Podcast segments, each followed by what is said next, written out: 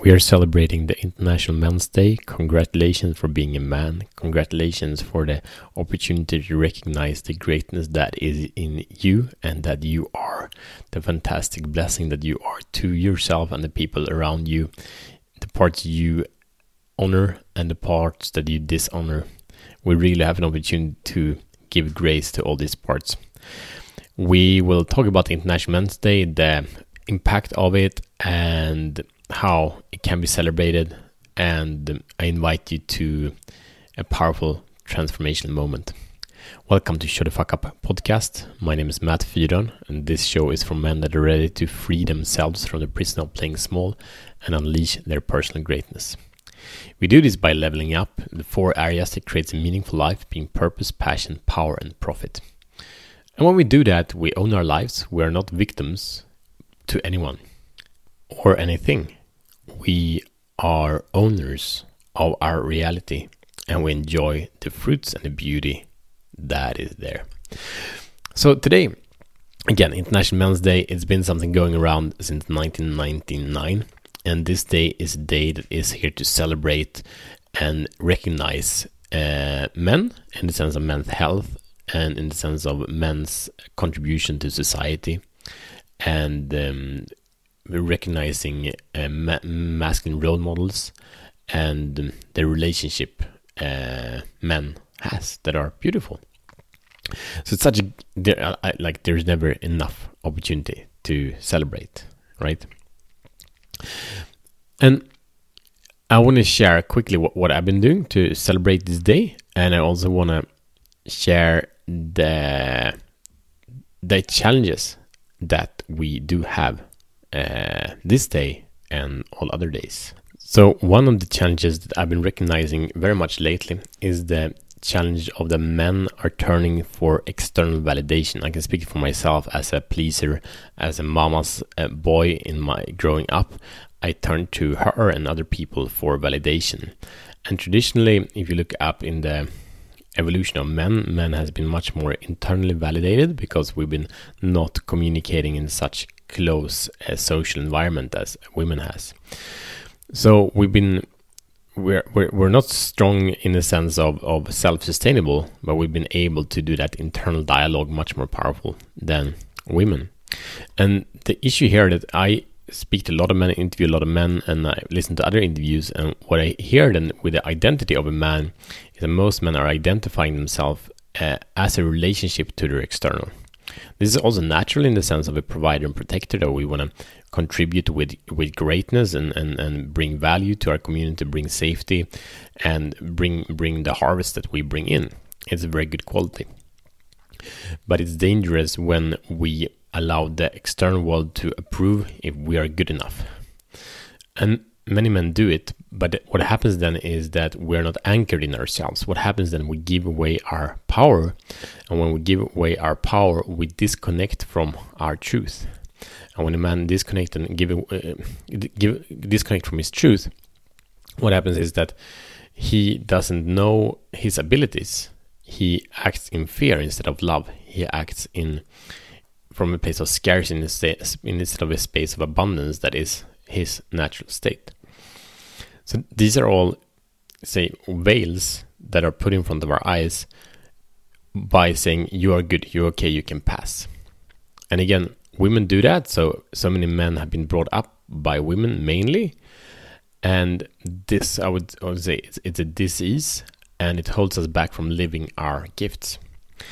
So with the recognition, recognition celebration of the International Men's Day, I really want to invite you to the core of this day is to recognize the positive role models, it's to recognize the positive impacts that people have. And I would make a bold claim that the men that really have a significant impact in society are the men that do not look for external validation, but really anchored in who they are and dare to go, you know, the extra mile, dare to provoke, dare to say what they think, no matter what. Men that can stand a criticism without the fear of losing their own self worth. And I'm really inviting you, your friends, your brothers, everyone listening, to really have the courage to anchor in that place. And it's not a simple journey, it's not a quick fix, but I really invite you to do it because life just becomes more beautiful. All right. Today I've been speaking to a bunch of, of men, uh, beautiful conversations, and in one of them I was in a context where one man was very, very new to the work of men and to the world of men, I would say also. And I want to share quickly about this story because it was really touching me. Uh, I'm honestly being very, very spoiled by the power and the beauty of men since that's what I do. And um, it was really touching to see his vulnerability and what happened to him when he landed in a safe space of loving, powerful men, and how he could drop down and remove his shields, uh, shields that satisfy his needs around women but that didn't work around men, and how he could tap into his heart and really show a huge level of vulnerability and really just in a little bit of time uh, share and and also release really really big fears.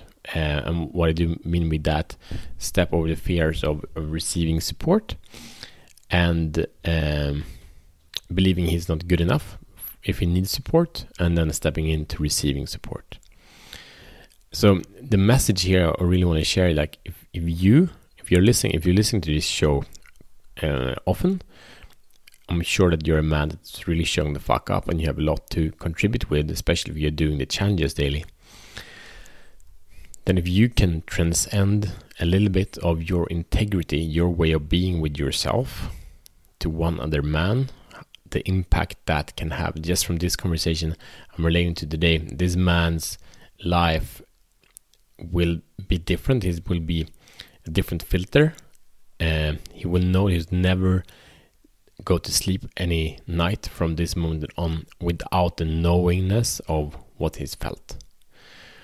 And if we can invite one man a day, if you can, if I can invite one man a day to such a space of feeling safe, feeling seen, feeling heard, feeling appreciated, um, feeling recognized for the gifts that they bring, by that we can really slowly but also really, really rapidly transform the world. And again, this really goes back to that you need to show the fuck up with your authentic self. It really goes back to you being present with you. That you are okay. Not in the validation of others, but in the groundedness of you.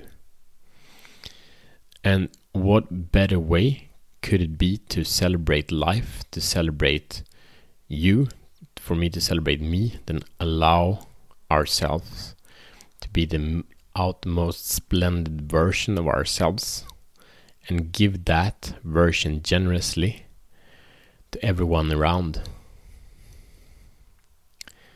To be in our full potential and give of that bravely and generously.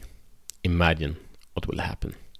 And this is happening all the time, and so many men working on this now, and it's so so beautiful. So your invitation, your mission, should you choose to accept it for the International Men's Day, is to answer two questions. One is how are you celebrating yourself as a man, and two, who else, who is a man that you're celebrating, who's a man that you're honoring, who's a man that you are uh, grateful for and respect. Those are the missions. I will share with you quickly. Some of you know I speak about it quite often because it's a very powerful tool of mine that I have two screens in my uh, recording studio slash office. And on the upper screen, the background there is filled with about 35, uh, 40 men that are my uh, mentors or coaches.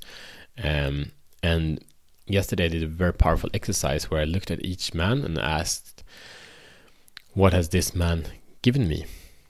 And I got 40 very distinct different answers, and it was so rich. So the moment we allow other men to give us something, allow them to give us part of their masculine power, then and really what I why I mentioned this is really because yesterday I really received it. You know, I what did he actually give me? Why are you here? Why did I put you here? and really received. Okay, this is what you've been given. This is what you have given me, and that's the really receive, really feeling that in my heart. Um, and that it's such a gift. So, who are you uh, celebrating? And what are you celebrating with yourself? Share this episode with the man that is ready to celebrate himself and ready to level up so we can grow together. And I see tomorrow as better men.